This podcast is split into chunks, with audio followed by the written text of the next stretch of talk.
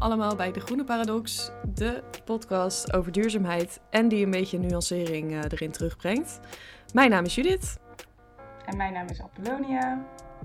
En vandaag gaan we met Kees Vendrik van uh, het Nationaal Klimaatplatform en Frank Diets van het Planbureau voor de Leefomgeving in gesprek over het Klimaatakkoord. Een hele grote kluif, maar we gaan hem een beetje in kleine stukjes hakken, dat het uh, een beetje overzichtelijk blijft. Maar zoals altijd beginnen we natuurlijk met onze vaste rubrieken.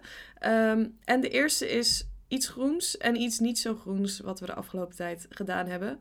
En we hebben deze rubrieken erin zitten om, um, ja, om een beetje te laten zien dat alle kleine beetjes helpen aan de ene kant. En aan de andere kant dat niemand het perfect doet. Uh, Apollonia, wil jij misschien beginnen? Ja, want ik heb wel een leuk verhaal. Um, als uh, de luisteraars goed hebben opgelet of al eventjes meeluisteren, dan weten jullie dat een paar maanden geleden uh, we het over duurzame ja, menstruaties hebben gehad. Dus ook duurzame menstruatieproducten. En sindsdien ben ik een beetje dat soort dingetjes aan het uitproberen. Dus ik had al um, uh, herbruikbaar maandverband gebruikt. Nou, dat beviel wel. Toen vond ik dus pas bij de supermarkt hier ook menstruatieondergoed wat in aanbieding was. Dus ik dacht, oh, dat vind ik super chill, want dan hoef ik er heel de dag niet over na te denken, dacht ik. Uh, er stond ook op heavy, heavy flow, dus ik dacht, nice, daar, daar kan ik even mee vooruit. uh, en vorige week, uh, ja, was het moment daar. Ik, had, ik was omgesteld, dus ik kon het gaan uitproberen. Uh, maar ik had die dag wel gepland dat ik uh, buiten de deur ging werken. Dus ik was heel de dag in de stad met mijn menstruatieondergoed aan. Nou, dat ging eigenlijk heel goed. Mm. Maar je weet wel, als je omgesteld bent, dat er soms opeens zo iets uitkomt. Mm -hmm. En dat je dan denkt van, hmm, ik voel het. Hmm, interessant. interessant. Nou, ik was dus, uh, ik was al wel onderweg naar huis. Ik had net een, fiets een deelfiets gepakt. En ik ging geloof ik al op de fiets zitten of net ervoor. En toen voelde ik dus zo'n zo waterval. Dat ik dacht, mm -hmm. oké, ik voel iets. En ik dacht dus wel van, goh, als ik het zo goed voel, is dat dan een slecht, is dat dan een teken dat er iets fout gaat? of hoef ik me geen zorgen te maken? Maar ik dacht, ja, ik heb gewoon dat ding aan en... Er stond heavy flow op dus, hè? Er stond heavy flow op. Uh, en nou ja, ik moest dan ook nog mijn deelfiets ergens neerzetten, vijf minuten van mijn huis en dan naar huis lopen. En toen kwam ik thuis, ik hang mijn jas op, ik was gewoon met mijn huisgenoot aan het kletsen. Ik draai me om naar waar ik mijn jas had opgehangen en ik zie gewoon echt een sick grote rode vlek op de achterkant van mijn jas. En ik denk echt, what the fuck? Ik was dus echt gewoon kei, kei, keihard doorgelekt echt voor het eerst in, nou ja, acht jaar of zo, denk ik dat ik zo, wow. dat, ik echt, dat je het echt kon zien. Uh, Leuke eerste ja, ervaring met menstruatieondergoed. Precies. Nou ja, ik vind dat echt totaal niet erg. Want ik weet nu een beetje wat de grens is. Hoe heavy de flow echt mag zijn. ja. uh, dat ik gewoon inderdaad op de heavy dagen beter ook nog een tampon of zo erbij kan dragen. Of hem kan verwisselen. Ja. Maar wat ik ook wel fijn vond om eraan te merken is dus dat ik ja, het totaal niet erg vond dat ik door was ja, precies. Ik schaamde me niet. Kan gebeuren toch? Nee. Ja.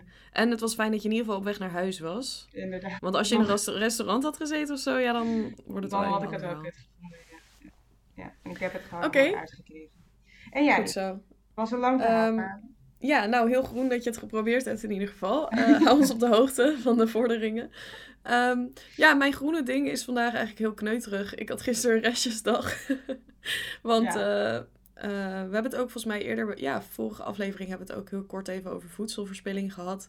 En uh, dat is natuurlijk niet goed. Dat is gewoon zonde, want uh, ja, er is niks mis met dat voedsel in je koelkast. het is alleen misschien over. Um, dus ik heb gisteren een quiche gebakken van nice. allemaal dingen die nog in mijn koelkast stonden. En was eigenlijk best wel lekker. Nice. Ja.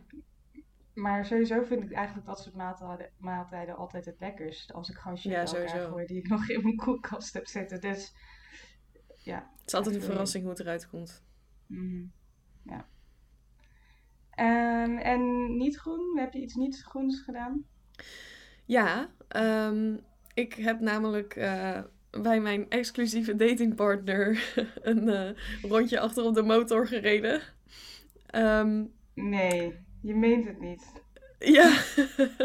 ja, soms heb ik ook gewoon lol in mijn leven, weet je wel. Moet ik me echt verschamen natuurlijk. Nee, maar eh, ja, als je, ik moest ook heel hard nadenken. Was wel iets niet groens wat ik gedaan heb. Ja. Maar eh, weet je, in principe is het natuurlijk niet heel groen om eh, op een motor te zitten waarbij je... En al helemaal niet re- op recreatieve wijze. Precies, we gingen niet ergens heen of zo. We gingen gewoon een rondje rijden omdat het leuk is. En dan eh, ja, ben je gewoon benzine aan het verbranden voor de lol. Nou ja, kan gebeuren. Moet kunnen. Ja, toch? Ja, nou ja. Ehm, nou, eh, ik zit er dus over na te denken om een auto te gaan kopen. Dat wil ik eigenlijk al best wel lang.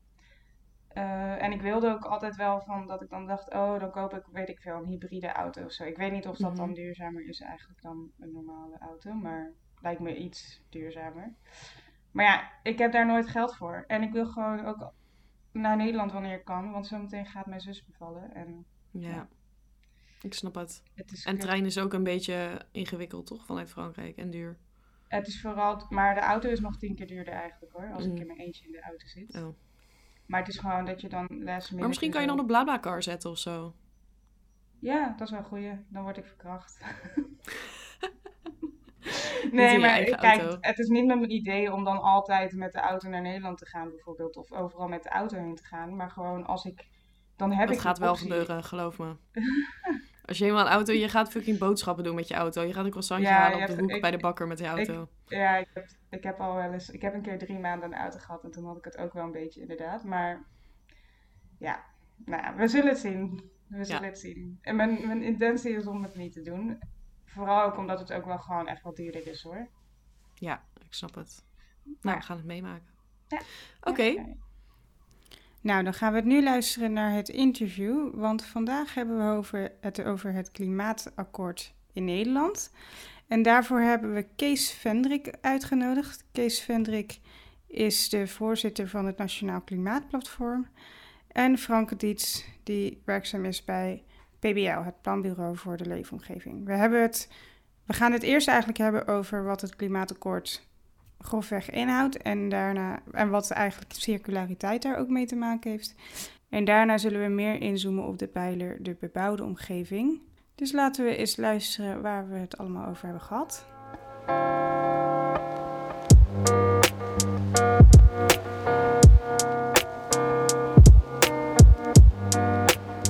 nou, welkom Kees Vendrik van het Nationaal Klimaatplatform en Frank Diets van eh Planbureau voor de Leefomgeving. Superleuk dat jullie hier zijn. Eh, en ik denk ook een hele leuke timing, want ik heb onwijs veel artikelen de laatste tijd eh, zien verschijnen over het klimaatakkoord. Ehm, ik wil jullie eerst even vragen, zouden jullie je willen voorstellen voor de gasten? Frank, dan beginnen we even bij jou. Uh, nou, Kees Vendrik. Ik ben um, een maand of vier geleden door het kabinet benoemd als voorzitter van het Nationaal Klimaatplatform. Wat je net al zei, Judith. Uh, dat is een verzoek van het kabinet en dat komt eigenlijk voort uit het klimaatakkoordproces. En kort door de bocht zou je kunnen zeggen dat het kabinet mij gevraagd heeft om elke dag contact te maken met burgers en bedrijven. Om uit te vogelen hoe het nou eigenlijk in de praktijk staat met die klimaat- en energietransitie. Schiet het snel genoeg op? Uh, kunnen mensen het meemaken? Zijn er kansen, knelpunten? En de afspraak is dat ik uh, met een team voor de komende vier jaar daarmee aan de slag ga. En dat ik uh, één keer in een paar maanden terugkom bij de minister van Klimaat en Energie. Met alles wat ik hoor. Nou, dat wordt heel interessant denk ik vandaag. Zeker. Kees, wil jij ook even voorstellen? Dankjewel, Frank Diets. Ik ben milieueconoom van professie. Uh, daar ben ik al sinds eind jaren 70, toen je dat niet kon studeren. Laat staan een diploma inhalen. Ik heb het dus maar zelf geproclameerd, zo kun je het ook zeggen. En dat ben ik een heel leven lang, want ik ga over een maand met pensioen. 44 jaar lang geweest. En uh, kun je zeggen, goh, wat saai. Maar ik heb dat een jaar of 20, 25 in de wetenschap gedaan. Ik heb dat een jaar of 7, 8 bij departementen, dus in het beleidsmaken gedaan. En ik doe dat nu sinds 2007 bij Planbureau voor de Leefomgeving. Eigenlijk zit ik daar in een, wat heel deftig heet, een policy science interface. Oftewel een brugfunctie tussen beleid en wetenschap. Oké, okay, dus we zitten met twee bruggenbouwers eigenlijk vandaag. Ja, dat hoop ik. Tenminste, ik heb me erop voorbereid dat ik in ieder geval iets kan inbrengen. Nou, heel goed. Ik ben heel benieuwd. Ehm, dan, eh, dan gaan we meteen, denk ik, erin duiken. Want het klimaatakkoord is natuurlijk een enorm eh, onderwerp. Ik denk dat we hier echt eh, uren of dagen over door zouden kunnen praten. Ehm, maar zouden jullie in het kort de belangrijkste pijlers van het klimaatakkoord kunnen benoemen? Voor mensen die hier naar luisteren en denken van... ik weet eigenlijk stiekem helemaal niet zo goed wat het überhaupt inhoudt. Ik denk dat het goed is dat Kees hier in het voortouw neemt. Al was het maar omdat hij een van de klimaattafels heeft geleid. Ja, want dat is meteen ook de vraag aan jullie. Uh, wil je het hebben over het Parijse klimaatakkoord uh, of over het Nederlandse klimaatakkoord? Ja, of over allebei? Het klimaatakkoord van Parijs hebben we het in principe over.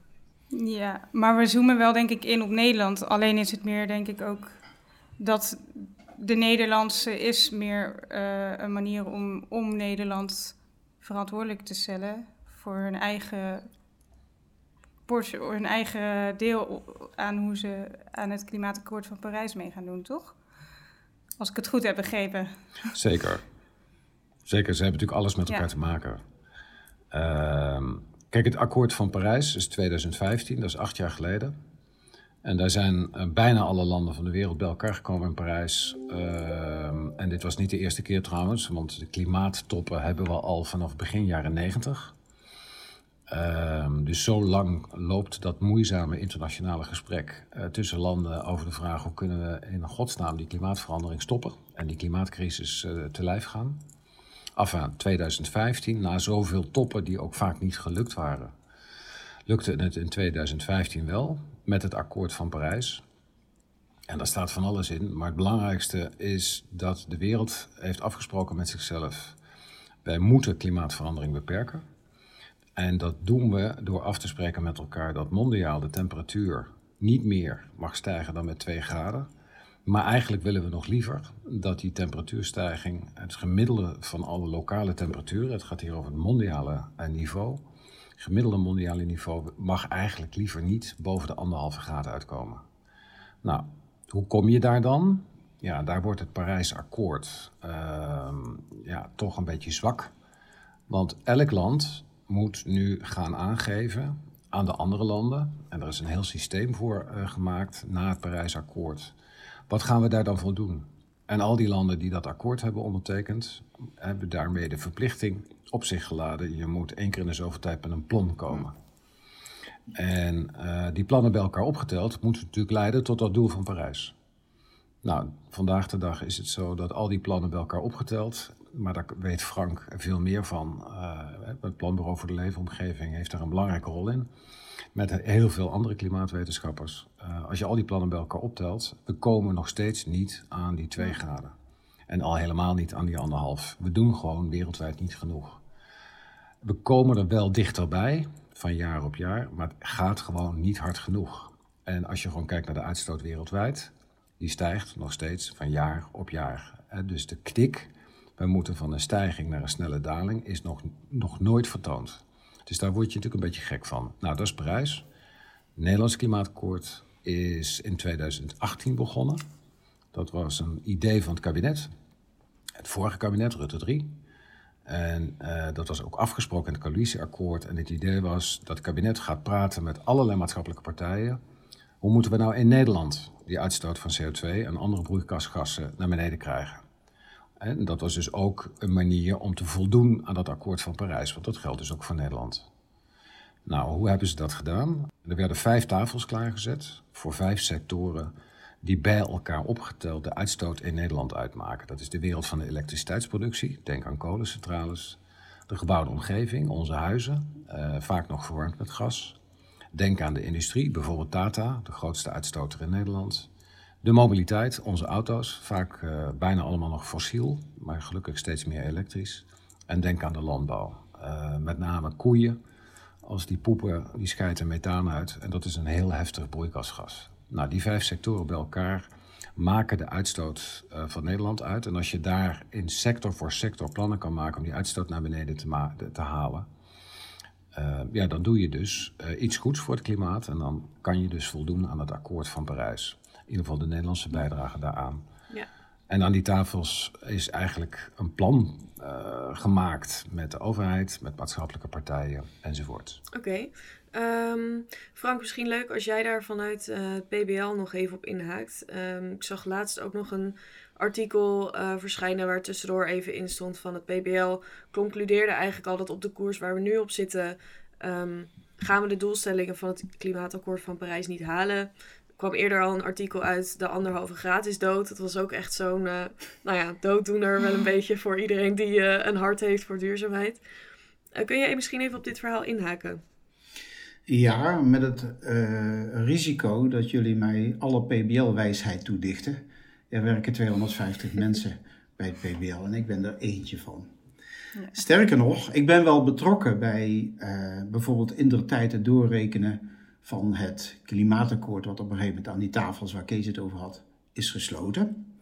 Um, en nou ja, ik weet op een afstand dat er elk jaar een klimaat- en energieverkenning verschijnt, de zogenaamde KEF, in de wandelgangen, waarin de voortgang van dat klimaatakkoord in beeld wordt gebracht, zodat je ook weet de gezamenlijke uitstoot van Nederland is zoveel CO2-equivalenten en die daalt en die daalt niet snel genoeg. En als je niet snel genoeg daalt, ja, dan raak je niet aan de gestelde doelen die via Parijs met elkaar zijn overeengekomen om dat te doen. Daarmee heb je nog niet aangegeven waar dan, laten we zeggen, de omissie zit. Wie dan waar heeft verzaakt. Dat is een slagje dieper sparen.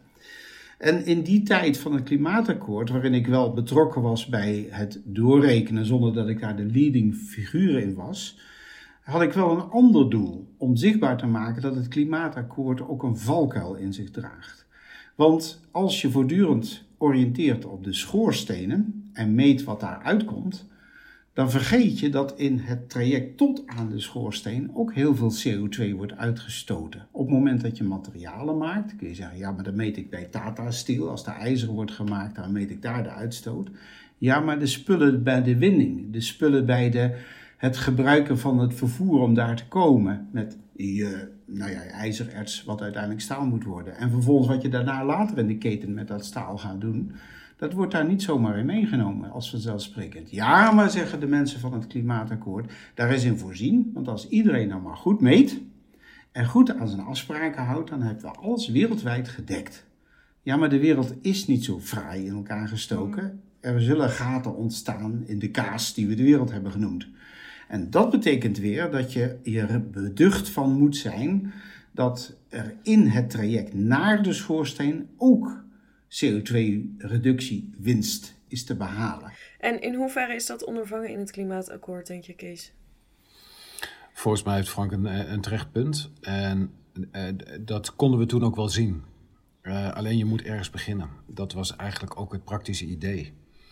Uh, ja, het akkoord van Parijs zegt gewoon tegen alle landen: wat er op jouw grondgebied gebeurt, daar ben jij verantwoordelijk voor. Dus om maar even de metafoor van Frank te gebruiken. Ja, die schoorsteenpijpen die in Nederland staan, die moeten schoon. Die moeten ophouden met uitstoten. Zo simpel is het. En die auto's die in Nederland rondrijden, die moeten stoppen met uitstoten. Die koeien die in Nederland rondlopen, die moeten ophouden met poepen. Om het maar simpel te zeggen. Dat was het idee. En dan kan je dat eigenlijk op een flauwe manier doen. Je kan bij wijze van spreken denken, nou dan gooi ik al die fabrieken dicht. Gaan ze naar het buitenland, zijn wij van het probleem af. Dus, um, en in, op een bepaalde manier gebeurt dat ook. Als je kijkt vanaf de jaren 90, ja, wij zijn meer spullen gaan importeren. Uh, die, dat zijn spullen die voor deel in China gemaakt worden, met fossiele energie. Dus onze consumptie, ja. en Nederland is erg afhankelijk van spullen uit het buitenland. Daarom hebben we ook zo'n grote haven. Uh, niet alleen voor Nederland trouwens, ook voor de rest van Europa. Maar goed, toch, we zijn erg afhankelijk van allerlei spullen uit het buitenland. En ja, daar hangen allemaal CO2-labels aan. Daar hangt allemaal broeikasgas aan vast. Dus je moet niet alleen ja. kijken naar de productie in Nederland. Dat moet, want dat is het akkoord van Parijs. Elk land uh, zorgt voor minder uitstoot in zijn eigen land. Maar je moet ook kijken naar waar je elders verantwoordelijkheid voor hebt te nemen.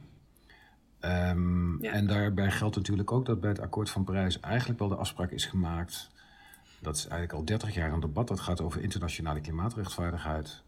Wij in Europa en in de Verenigde Staten, Australië en Japan de grootste uitstoot die zich op heeft gehoopt sinds uh, de, afgelopen 140 jaar, sinds zeg maar, de start van uh, de industriële revolutie, die komt uit de rijke landen.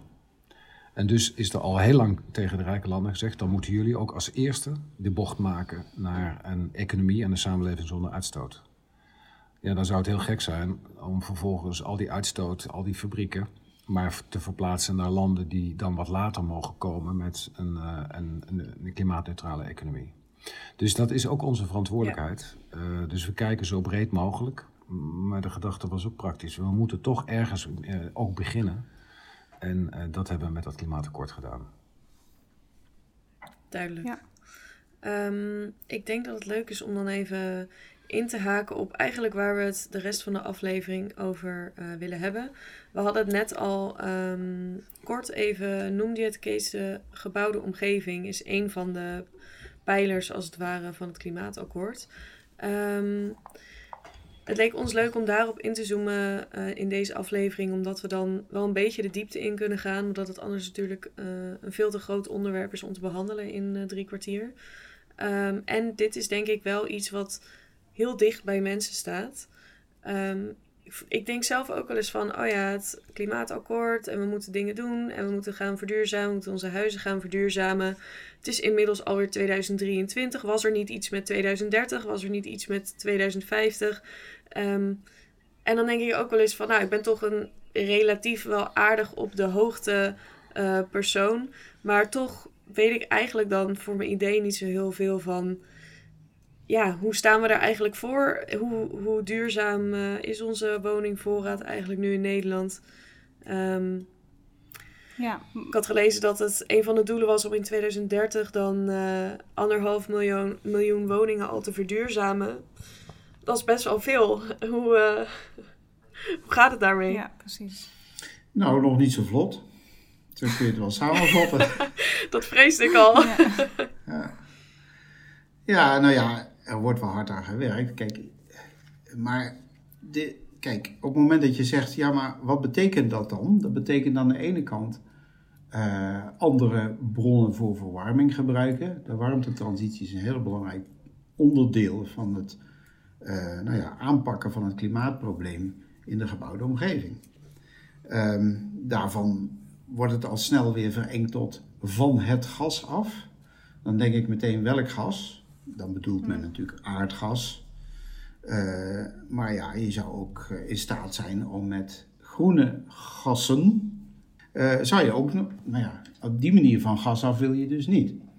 En tegelijkertijd elektrificeren denkt ook iedereen aan om op die manier de verwarming tot stand te brengen. Maar ja, dan moet je enorm hoeveelheid elektriciteit organiseren. Uh, nou ja, ik, ik merk een beetje dat ik mezelf vast aan het praten ben, want ik hoor mezelf in ieder geval zeggen dat er nog een hele hoop te doen is. Dat er nog niet zoveel vaart achter zit. Dat er heel veel hindernissen zijn. Die hindernissen variëren van, uh, ja maar ik heb helemaal geen zin om een huis overhoop te halen om te gaan isoleren. Sterker nog, uh, we hebben hete luchtverwarming in de meeste huizen zitten. Met een uh, door aardgas aangedreven verwarmingsketel. Terwijl we eigenlijk natuurlijk naar een lage temperatuurverwarming willen met een uh, warmtepomp wordt aangedreven en vooral elektriciteit vraagt in plaats van aardgas. Uh, waarbij we het grote voordeel van lage temperatuurverwarming hebben dat het veel aangenamer is om in te wonen. En tegelijkertijd, ja, maar ik ga mijn, mijn huis toch niet verbouwen om dat voor elkaar te krijgen. Dus je zit met een lange termijn vraagstuk waarin mensen hun levensritme in moeten passen. We weten dat elke zeven jaar ongeveer mensen verhuizen. Tenminste, dat is een gemiddelde. Dus je hebt één keer in de zeven jaar de kans om de boel rigoureus aan te pakken. Zorg je dan dat ook de prikkels zo staan en de spelregels zo zijn georganiseerd dat iedereen zich in, nou ja, in het doel herkent en de financiële prikkels daartoe heeft. En dan praat ik er op dit moment vooral in gedachten, zonder dat uitgesproken te hebben, over huiseigenaren. Maar wat dacht je van de huurders en de verhuurdersheffing die heel lang, um, nou ja, coöperaties die uh, grote hoeveelheden huurhuizen exploiteren, in de weg heeft gezeten om de verduurzamingsslag te maken. En toevalligerwijze dat ook nog vaak om mensen zijn met een hele kleine beurs. Ja. ja, laten we daar straks nog even verder op ingaan. Uh, waar ligt een rol voor huurders, verhuurders, uh, woningcorporaties? Ehm, ik ben eerst nog even benieuwd, Kees, kun jij daar misschien op inhaken? Eigenlijk legt Frank net uit, nou ja, een van de dingen die moet gebeuren, bij spreken warmtepomp uh, van het gas af. Uh, hoe gaan we dat doen? Je bedoelt, wat zijn de mogelijke manieren om je huis, huis uh, te verwarmen en het licht te laten branden zonder ja, CO2? En ook, nou, en ook hoe gaan we mensen motiveren om het te doen? Want Frank zegt ook van uiteindelijk moet je dus mensen zover zien te krijgen dat ze gaan zeggen, weet je wat, ik ga voor vloerverwarming en ik ga van het gas af. Uiteindelijk moeten mensen dat toch zelf gaan doen. Ja, dat geldt in En het moet ook misschien gemotiveerd worden door de overheid, want het is een, een ja, een project wat, uit de over, wat vanuit de overheid komt, toch? Dus misschien dat, zij, dat daar ideeën voor zijn. Nou, kijk, wat ik, wat ik mooi vind om te zien, ook in de laatste paar maanden dat ik begonnen ben met dat nieuwe werk als voorzitter van het Nationaal Klimaatplatform, is dat ik eigenlijk heel veel leuke, creatieve, geïnspireerde mensen tegenkom die al lang aan de slag zijn. Die, die ja, hebben het al lang gedaan. En mm. Dus uh, ik ben heel blij met mensen die niet op de overheid wachten. Daar kunnen we namelijk ontzettend veel van leren. En dat is heel fijn dat dat gebeurt. Uh, dat zijn mensen met ondernemerszin. En nu hebben we het dan even over mensen die hun eigen huis gewoon meteen verduurzamen. En zelf van het gas afhalen. Of bijna energie-neutraal met een heel klein beetje gas. Of het laatste stukje doen met een warmtepomp. Uh, maar dat is een hele belangrijke kracht. En die groep groeit ook. En dat vind ik uh, erg belangrijk. Want het kan nooit alleen van de overheid komen. Daarvoor is het probleem ook te taai. En jullie zeiden het net al, uh, volgens mij bij dit onderdeel. Het gaat over 7 miljoen huizen in Nederland. Het gaat om heel veel huizen en ongeveer 1 miljoen bedrijfspanden, kantoren, uh, ziekenhuizen, verzorgingsinstellingen enzovoort. Dus dat is gigantisch. En uh, we hebben ook bijvoorbeeld heel veel auto's in het land. Ehm, dat zijn er ook een hele klap. Maar daarvan weten we, ja, op een gegeven moment ga je die auto vervangen. Dat doe je bij een huis niet zo snel. Over de hele lange termijn gaan er natuurlijk huizen uit de jaren 50 en de jaren 60 van de vorige eeuw, die gaan gewoon plat. Daar is niks meer aan te doen. Dat was goedkope bouw, super onzuinig. Ja, hmm. die, die zie je op allerlei plekken in de stad, uh, zie je dat die uh, uh, neergehaald worden. En dan komt er nieuwbouw en dan heb je het meteen goed geregeld.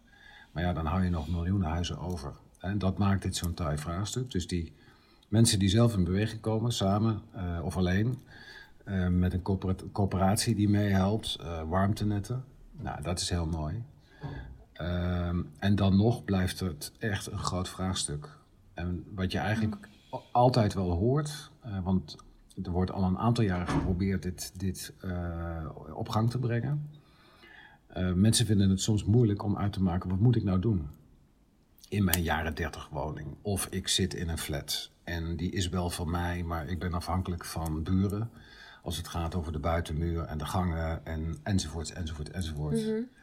Dus het is best een opgave. En wat het nog iets ingewikkelder maakt, behalve tijd en geld, uh, en dat zei Frank eigenlijk net ook al, ja, er zijn gewoon diverse mogelijkheden. Uh, het is in ieder geval, als je een heel slecht geïsoleerde woning hebt, is isoleren is altijd verstandig. Dubbel glas, tochtstrips, uh, je spouw isoleren. Uh, in ieder geval zorgen dat overal waar de warmte naar buiten vliegt, dat je dat stopt. En dat betaalt zich ook snel terug. Als je dan weer nieuwe stappen wil maken, ja, dan, dan is de vraag, ja, hoe verwarm je je huis? Dat is denk ik nog het moeilijkste. Maar ik denk voor de meeste mensen zijn er eigenlijk grofweg twee oplossingen. Of je gebruikt een warmtepomp, dan doe je het zelf, je eigen huis, uh, stuk voor stuk. En de andere route is uh, bijvoorbeeld een collectief warmtesysteem. Dan gaat de straat open en dan gooi je er een pijp in. Daar sluit je nou, bijvoorbeeld uh, 100 of 500 huizen op aan of 1000. En die hebben één unit in de wijk. En dat soort systemen hebben we al. Ongeveer een half miljoen Nederlanders, pak een beet, hebben al dat. Dat heette vroeger de stadsverwarming. Maar ja, daar zat dan bijvoorbeeld een oude uh, installatie die liep op gas, zat daarop. Uh, vroeger ook nog wel eens diesel, heb ik begrepen. Nou, dat wil je allemaal niet natuurlijk. Uh, nou. Dus dat is ook een manier. Maar als je een nieuw collectief warmtesysteem moet aanleggen, dat is een klus. En ook dan zie ik ja. weer mooie initiatieven om het toch weer een beetje positief te maken. Dat bijvoorbeeld bewoners en instellingen denken: ja, maar dit kunnen we ook samen doen in de wijk. We laten dat niet over, zo'n zo, zo gemeenschappelijk warmtesysteem, aan, uh, aan een commerciële leverancier. We willen het zelf doen. En dan richt je een coöperatie op. Er zijn al tientallen projecten in Nederland waar burgers dit zelf doen.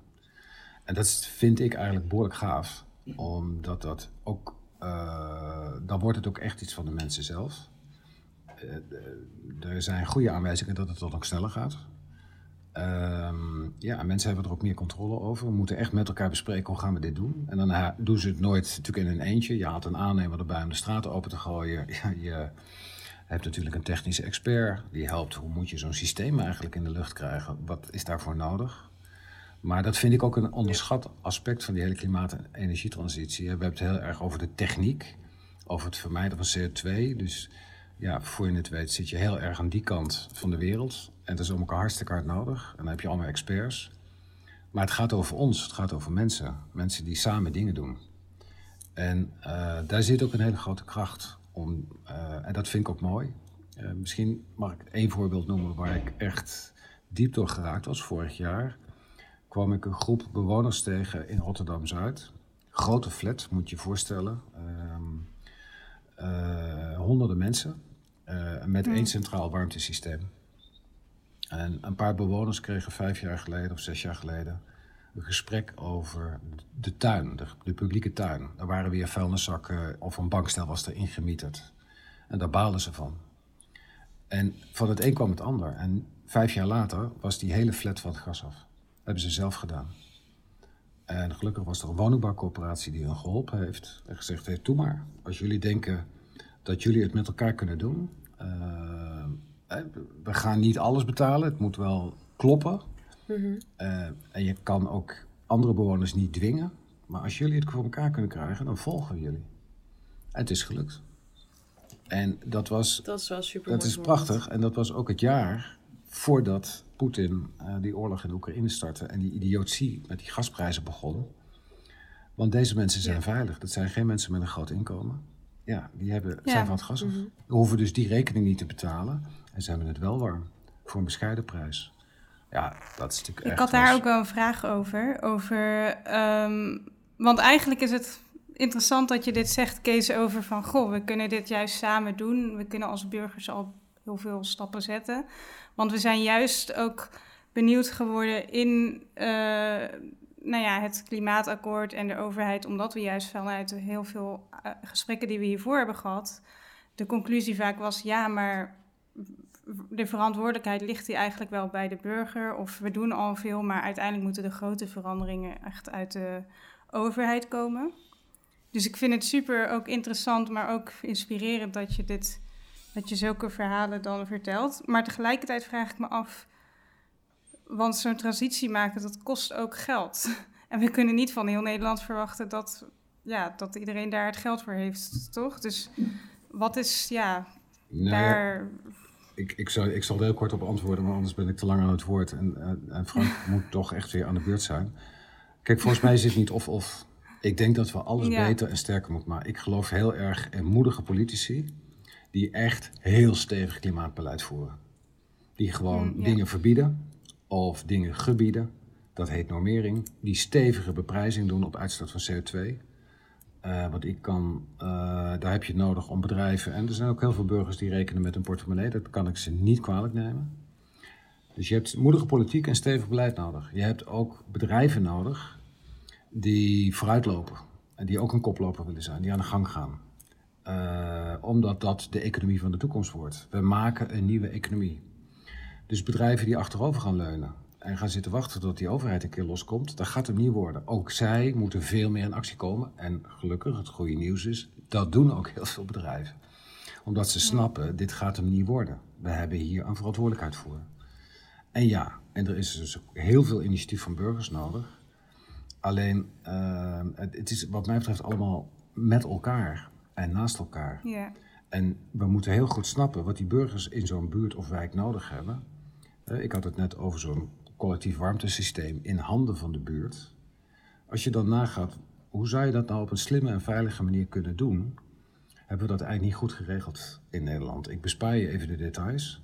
Maar je zou eigenlijk mensen die dat gaan doen, zou je eigenlijk wettelijk ook een echte status moeten geven, bescherming bieden. En laten zien, als jullie dat willen, buurt, burgers in een buurt, doe maar. Wij hebben daar een voorzieningen voor. En we hebben ook met elkaar afgesproken dat de netwerkbedrijven, de elektriciteitsbedrijven, de gemeentes die gaan over die publieke ruimte, nou ja, dat die daar ook ruimte voor bieden. In plaats van dat ze zeggen, maar wacht even, dit was niet de bedoeling. Of de computer says no. Precies. En zo, Dus het moet eigenlijk meer gestimuleerd en gefaciliteerd zeker, worden. zeker. Maar je hebt ook sterke politici en sterke bestuurders nodig, anders kom je er absoluut niet. Het is, het is al, wat mij betreft is het echt Ja. en en en. We hebben allemaal Ja. nodig, anders halen we het gewoon niet. Daarvoor is het vraagstuk ook veel te omvattend. En we hebben alle goede krachten op alle plekken in de samenleving nodig. Ik vind dat wel motiverend om te horen eigenlijk, omdat ik de laatste tijd ook een beetje dacht, ja, wat kan ik nou eigenlijk zelf als eh, burger doen? Maar ja, Ja, Kees gaf net aan eh, wat voor prachtige mogelijkheden er zijn als je initiatief neemt en als je de kennis daarvoor hebt. En dan beluister je in de bewoordingen die ik nu kies al dat er wel wat condities zijn te vervullen, wil je daartoe in staat zijn. En dan praten we nog niet eens over de financiële mogelijkheden. Hij repte ook terecht van er zijn wat faciliteringen nodig. Bijvoorbeeld niet, niet een wantrouwend energiebedrijf. Niet een gemeente die zegt, ja, wat, wat, dachten wij dat je aan het doen bent? Als je de straat aan het opengooien bent en het is geen gemeenteambtenaar die de schip in de grond heeft gezet. Met andere woorden, er is nogal wat verandering nodig, ook in de manier waarop we het met elkaar hebben geregeld tot op heden om zover te komen. Sterker nog, en Kees stipte het al aan, maar daar ga ik nu even wat meer aandacht voor vragen. We hebben nog heel veel, gebruiken we eh, fossiele grondstoffen, fossiele energiebronnen tegen een te lage prijs. En we zien wat voor effect dat dat heeft. Eén, dat veroorzaakt heel veel milieudruk, inclusief klimaat, CO2-uitstoot dus. Ehm, maar we hebben ook een experiment gehad de afgelopen half jaar, waarin door hoge prijzen ineens mogelijk bleek dat er 30, 35 procent aardgasbesparing mogelijk bleek te zijn in huizen. Ik zou niet willen zeggen dat daarmee het experiment geslaagd is. Kijk maar, het werkt. Prijsprikkels werken. Want het was helemaal natuurlijk met een hele vervelende oorzaak waarom dat het allemaal is gebeurd. Maar het geeft wel aan dat er veel ruimte zit nog in de manier waarop we dat doen. Pleit ik hiermee voor het in de kou gaan zitten? Nee, ik pleit er wel voor dat we een faire prijs betalen voor iets wat relatief duur is. Voor onze samenleving, namelijk fossiele bronnen gebruiken om ons huis te verwarmen. En daar zullen we echt van af moeten. En hoe sneller je dat wil, hoe duurder dat zal zijn. Want de veranderingskosten lopen dan heel hoog op. Want dan wil je snel eh, isoleren. Dan wil je snel andere apparaten in huis hebben die je daarbij behulpzaam zijn.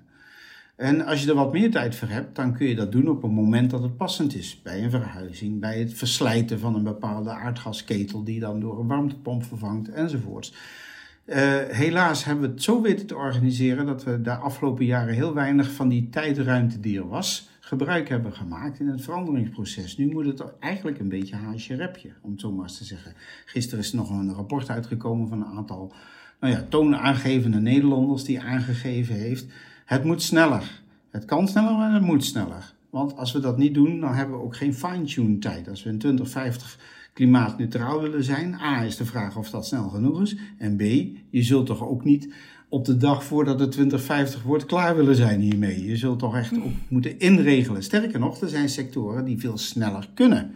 En daar is de gebouwde omgeving een duidelijk voorbeeld van. Elektrificeren. Nou ja, als je dat realiseert, dan betekent het dus ook een forse verandering in de manier waarop je voor je energie, dus ook warmte, gaat betalen. Dat die rekening er anders uit gaat zien. En dat dat dus hier en daar ook fors van oude zal zijn voor wie daar pechvogel is en wie daar geluksvogel is. Kees voorbeeld geeft dat prachtig aan. Iemand die aan de voorkant heeft nagedacht en om wat voor reden dan ook heeft gezorgd dat hij minder afhankelijk was van duur, op dit moment duur aardgas, die was spekkoper. We hebben zeven jaar geleden of acht jaar geleden was het verplicht om een energielabel voor een huis te hebben. Nou, dat was eigenlijk een soort curieus etiketje aan je huis. Dat speelde nooit een rol bij de overdracht van woningen bij koper en verkoper. Heden ten dagen denkt men wel anders daarover. Sterker nog, uh, je zou het zo formuleren kunnen, Poetin heeft een aardige boost gegeven aan het gebruik van het energielabel. Dat is nooit de bedoeling natuurlijk zo op deze manier geweest, maar tegelijkertijd werkt het wel. Want huizenkopers kijken heel goed wat voor energieeffecten dat een bepaald huistype, als je energielabel G hebt, dan weet je dat je moet betalen. Enzovoorts. Met andere woorden, we moeten veranderen. En veranderen moet behoorlijk tempo hebben. En dat veranderen zal van oude betekenen. En dat betekent dus dat we ons rekenschap moeten geven van twee dingen, tenminste. Ten eerste, wie is aan zet om welke veranderingen aan te kaarten? Nou, die overheid moet echt heel veel meer doen dan dat ze nu doet, eigenlijk. Ze moet de regie nemen. En ze moet dapper zijn, zei Kees. En ja, dat is hier echt aan de orde, want er zitten heel veel mensen vanuit gevestigde belangen beweren dat dat niet kan. En toch moet het. Die ambitie hebben we nou eenmaal op tafel gelegd met het Klimaatakkoord van Parijs. En iedereen is zich inmiddels ook wel van bewust geraakt geworden hoe dramatisch het is als je je daar helemaal niet aan gaat storen. Het tweede element is, hoe gaan we in een maatschappij als de onze met de verliezers om? En die verliezers, als je nu uitkijkt, zijn fors in getal en zullen ook dramatische verliezen meemaken. Nou ja, de huidige snelle opmars van hoge prijzen hebben ertoe geleid dat er een aantal mensen echt in de problemen zijn gekomen. Dat mag de verandering niet tegenhouden, maar tegelijkertijd je moet opvang daarvoor regelen. Je moet de verliezers als het ware ook deelgenoot laten blijven zijn van dat veranderingsproces. Die moeten daarin ook een positie hebben. Nou ja, dat zijn tenminste twee krachten waar je goed mee overweg kunt gaan. Een overheid die weet wat ze wil en standvastig is in zijn en haar rolopvatting. En met kennis van zaken erin de boel aanstuurt. En niet aan de kant gaat voor wat tegendruk en tegenwind. En aan de andere kant, let op je verliezers. Want anders zijn het allemaal tegenkrachten. Is het allemaal weerstand, hakken in de zand. En dat wil je niet. Nou ja, dat is Kees natuurlijk, zijn baan is dat nu geworden. Hoe krijg ik mensen allemaal mee? En dit is daar een onderdeel van. Dat was ook een, uh, iets wat we nog wilden aansnijden, inderdaad. Uh, we hebben het al een paar keer voorbij horen komen nu. Maar um, het is natuurlijk erg leuk als mensen um, de tijd en het geld hebben om. Uh, en de ondernemingszin om hun woning te verduurzamen. Um, maar hoe gaan we om met mensen die überhaupt misschien. Nou ja, misschien komt het niet eens in ze op omdat ze te veel bezig zijn met de dagelijkse uh, beslommeringen. Misschien hebben ze überhaupt geen geld om hun eigen woning uh, te verduurzamen. Misschien huren ze bij een wooncorporatie en weten ze überhaupt niet van verduurzaming. Uh, waar moet ik beginnen? Hoe gaan we zorgen dat iedereen meekomt? Ik denk wat ik daarover zou kunnen zeggen, Judith, is um, laten we heel scherp met elkaar erkennen dat er hele verschillende soorten burgers zijn in, um, die allemaal in een hele verschillende situatie zitten. Dus er is niet één route. Ja. dus laat ik er eentje uitpikken. Um, mensen met een hele smalle beurs die in een corporatiewoning huren. Dat huis is niet van hun. Uh, dat zijn soms wel, maar vaak ook niet de beste woningen. Uh, er zijn er honderdduizenden van dit soort woningen waar mensen met een smalle beurs wonen met een heel slecht label. Dus uh, dat is gewoon een, uh, een tochthol, om het zo maar te zeggen. Dat is hartstikke duur om daar je huis warm te krijgen.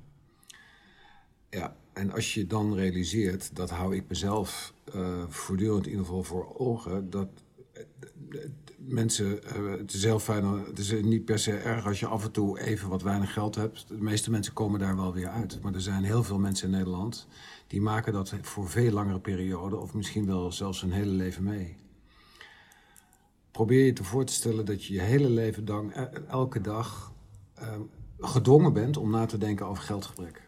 Want dat dreigt. Er, er, kan eigenlijk niks fout gaan, want dan heb je meteen een geldprobleem. En dan heb je of geen eten, of dan kan je helemaal niks meer kopen, of dan kan je je energierekening niet betalen. Dus dat is het perspectief voor mensen die, die om wat voor reden dan ook voortdurend in bestaansonzekerheid leven dan is die energierekening een ramp. Ja, precies. Wat er vorig jaar gebeurd is, uh, is nog erger. En, en, laten we ook ons realiseren, de, de overheid, en dat snap ik ook best, die heeft een campagne gevoerd vorig jaar. Nou, we zetten de thermostaat op, wat was het, 19 graden. Deze mensen, eh, waar ik het nu over heb, die heel lang met bestaansonzekerheid en armoede te maken hebben, de vraag is of ze überhaupt die verwarming aan hadden. Of dat die überhaupt boven de 15 graden uitkwam. Dus, en dit is echt een onderwerp ook van klimaatrechtvaardigheid. Als we nadenken over de noodzaak om, om iets te doen aan die broeikasgassen, wie helpen we dan het eerst? Hoe doen we dit precies? Wat is nou eerlijk in deze transitie? Precies. Ja, en dan doet het pijn dat deze mensen vaak niet geholpen zijn. Dat die woningen nog slecht zijn. Maar dat we wel behoorlijk wat subsidies uittrekken voor mensen met een eigen woning. Ja, dat, dat- je hebt alleen maar een eigen woning als je over het algemeen Ja. een wat beter inkomen hebt. Anders krijg je geen hypotheek. Of je hebt eigen geld, dan heb je het over het algemeen Mhm. best heel goed getroffen.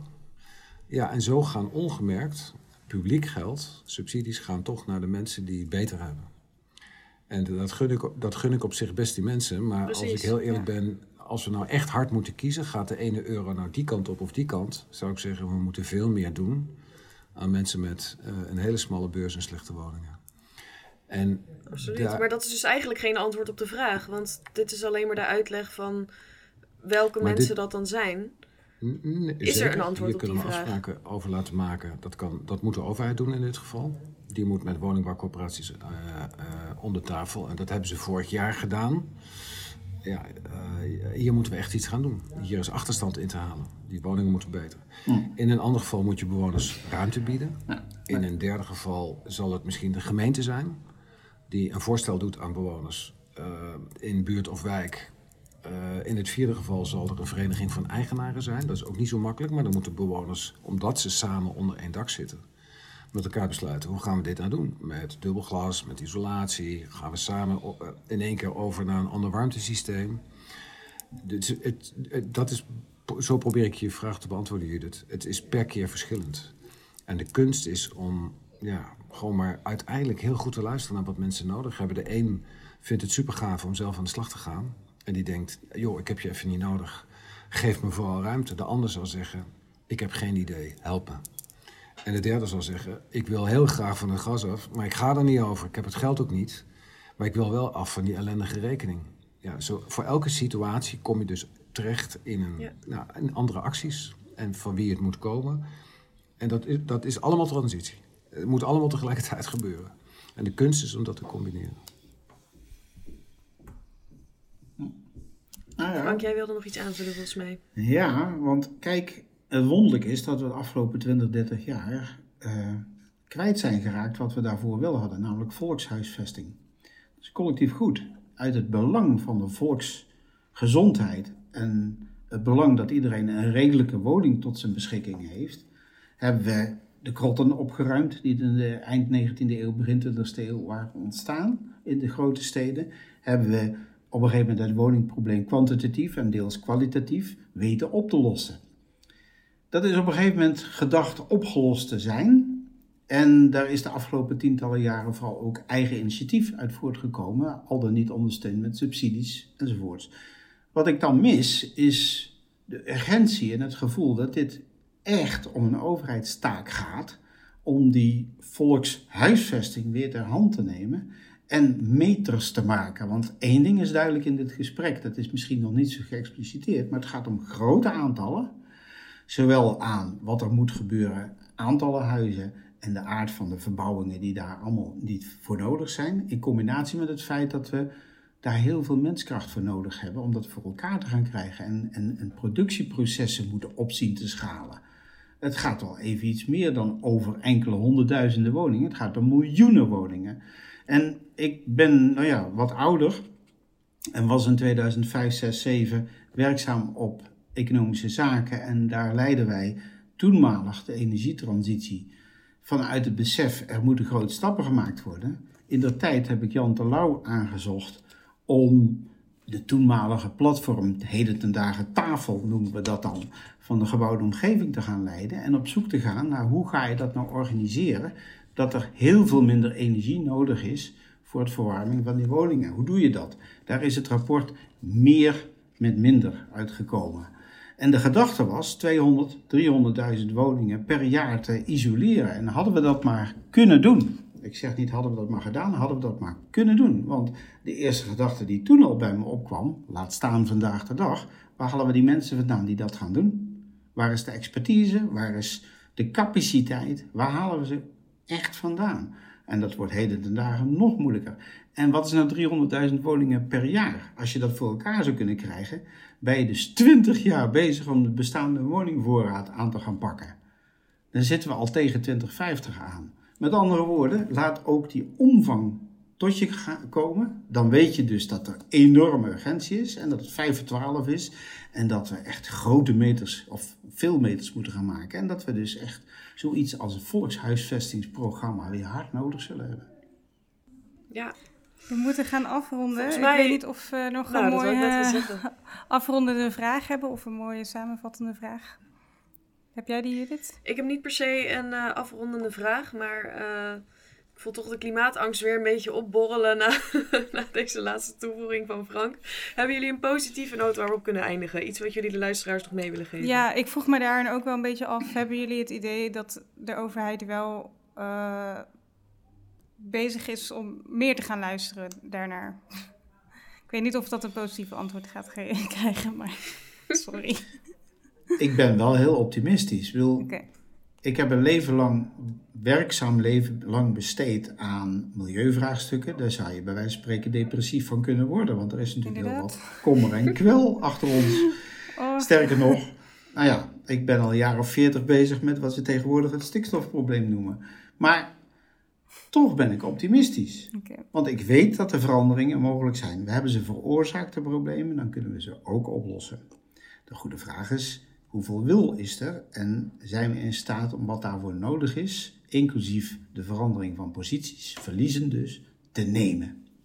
En ja, waar druk is, gaat op een gegeven moment die veranderingsbereidheid wel ontstaan. En nou ja, ik kan niet voorspellen wat daaruit komt, maar ik ben helemaal niet pessimistisch. En tegelijkertijd, je kunt pas een goede optimist zijn als je goed onder ogen ziet welke opgave je voor je neus hebt. Oké, okay. mooi gezegd. Kees, heb jij nog een, uh, een mooie afsluiter? Nou, weet je, het is denk ik allebei waar.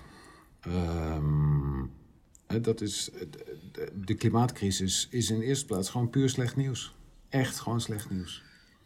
Uh, we zijn 30 jaar te laat. We, hadden, we, hadden, we weten dit al heel lang. Ja. En we hebben niet naar gehandeld. Het is niet gebeurd. We hebben zeer kostbare tijd zitten verkloten met andere dingen. Dat is heel slecht nieuws. Uh, als je kijkt naar waar we vandaag mondiaal staan met de klimaatcrisis, ook geen best nieuws. Emissies hadden al lang moeten dalen. Gebeurt niet. We hebben de knik nog niet gemaakt. Dat is natuurlijk echt om heel boos over te worden. Uh, tegelijkertijd kan je ook zeggen, oké, okay, dit is ook een beetje water onder de brug. We kunnen de geschiedenis niet meer terugdraaien. Dan nu echt uh, met volle kracht vooruit. En als ik dan zie wat er gebeurt, en ik loop ook al een tijdje mee. Ik ben natuurlijk een stuk jonger dan Frank, maar toch. um, als ik zie hoe 10, 20 jaar geleden hoeveel moeite je moest doen om überhaupt het thema van de klimaatcrisis op, op agenda's te krijgen. Om, om ook mensen die, ertoe, die macht hadden, daarop wakker te krijgen. Nou ja, dan zijn we vandaag de dag echt wel heel Ja, veel verder. klopt. Alleen het vervelende is, eh, er gebeurt wel ontzettend veel. Op allerlei plekken, in de industrie, met die auto's, met die huizen, in de landbouw, eh, eh, schoorvoetend, want er zijn ook heel veel duurzame boeren enzovoort. Industrieën die echt serieuze plannen hebben om van die uitstoot af te komen. Je ziet het nog niet voldoende terug in de cijfers. En dat is natuurlijk gewoon, ja, dat is waar het over gaat. Ja. Die uitstoot moet als de sodemieter naar beneden. Nou, eh, als je ziet waar we vandaan komen, is de ontwikkeling de goede kant op. En tegelijkertijd, het is ook laat, we moeten heel hard lopen. En daarom is het ook zo belangrijk dat dit voor iedereen geldt. Iedereen moet aan, iedereen moet aan de slag. Klein, groot, ook, ook al denk je, het maakt niet uit wat ik doe, het maakt wel uit. Want jij hebt ook weer een verhaal wat je aan anderen vertelt. Waardoor je aan anderen laat zien, hé hey, verrek, ik ben niet in mijn eentje. Ja. Dus ik geloof heel erg in, niet zozeer in wat, dat jij als persoon het verschil maakt. Ik geloof heel erg dat je jezelf onderdeel maakt van het, van het collectief. Ik geloof altijd heel erg in communities, in gemeenschappen die elkaar verder helpen. Mensen die samenwerken, elkaar laten zien dat het er wel toe doet. Ja, en dat je dat eigenlijk op allerlei niveaus doet. In buurt, in wijk, in je werk, in de ondernemerschap, in, in, in, in clubs en, en eh, eh, vriendengroepen waar je deel van uitmaakt. Als je gaat consumeren, als je op reis gaat. Eh, maar ook als je grote bedrijven gaat leiden, banken, financiers, als je op departementen gaat werken. Overal is er een aangrijpingspunt. En dat vind ik mooi om te zien. Ik zie ook dat mensen dat heel erg op die manier aan het doen zijn. Financiële professionals bijvoorbeeld. Die denken, ik moet opnieuw nadenken over mijn vak. Zodat mijn vak relevant wordt om die klimaatcrisis te lijf te gaan. Vind ik fantastisch. Ja. Dus niet, niet alleen maar minder consumeren of denken ik moet thuis een zonnepaneel. Ook allemaal prima. Maar er kan nog zoveel meer. Want we zijn ook zoveel meer dan alleen maar iemand die een huis huurt of iemand die ehm, eh, een auto heeft. En daarin hebben we elkaar gewoon nodig om elkaar te steunen en elkaar te bemoedigen en elkaar te inspireren. Dat zie ik meer gebeuren. Nou, dat vind ik heel fijn. Dus ik, volgens mij moeten wij hier gewoon wanhopig optimistisch blijven. Oké, dat is een mooi om even af Wanhopig te sluiten. optimistisch. Dat is- misschien moeten we de podcast gaan hernoemen naar wanhopig optimistisch. Vind ik wel een mooie quote. dat wordt de titel van de aflevering. Nou, Ab, ehm, heel interessant interview denk ik vandaag. Wat, eh, wat neem Ja. jij eruit mee? Eh, nou ja, ten eerste wil ik wel even zeggen dat ik van tevoren wel een beetje ja, zenuwachtig was. Omdat ik het gewoon een belangrijk, ten eerste een belangrijk en complex onderwerp vond. En ook wel het idee had dat we gewoon echt met belangrijke figuren aan tafel zaten. Maar dat vind ik dus ook gewoon wel echt super leuk. Mhm. maar ja, uiteindelijk was het gewoon inderdaad een heel interessant gesprek. En wat ik eruit meeneem is denk ik. Nou ja, ik was de afgelopen maanden best wel een beetje door gesprekken die we hadden gehad, een beetje pessimistisch geworden. Zo van ja, wat kan ik nou doen? Eh, volgens mij heeft het helemaal geen zin. En dan hebben we nu dus voor het eerst eigenlijk een gesprek waarbij we juist meer naar de overheid gaan kijken. En dat heeft me juist weer heel veel motivatie gegeven. Vooral over wat, wat Kees vertelde van het is uiteindelijk moeten we gewoon gaan samenwerken. Het is niet Mhm. of of. We moeten het gewoon Ja, allemaal precies. doen. En dat heeft me wel weer een beetje de motivatie en kracht gegeven van oh ja, ik kan wel iets betekenen. Grappig, want ik had eigenlijk precies hetzelfde. Oh. Ehm, omdat ik dus ook dacht van wij vroegen naar wiens verantwoordelijkheid is het.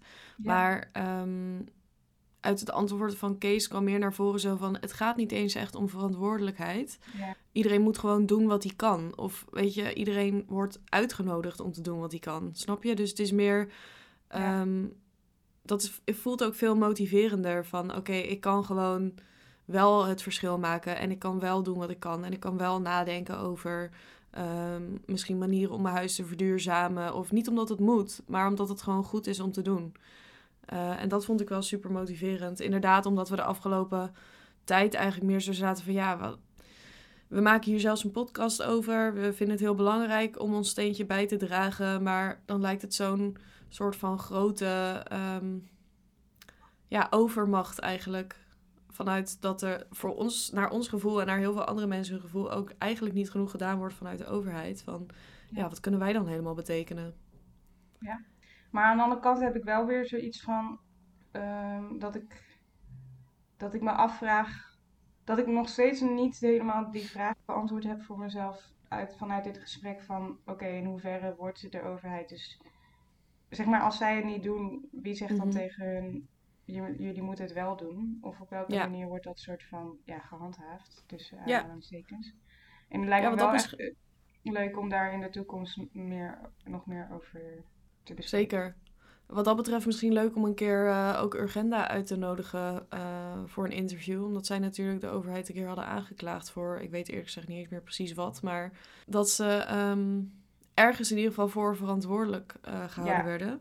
Ik weet het, ja.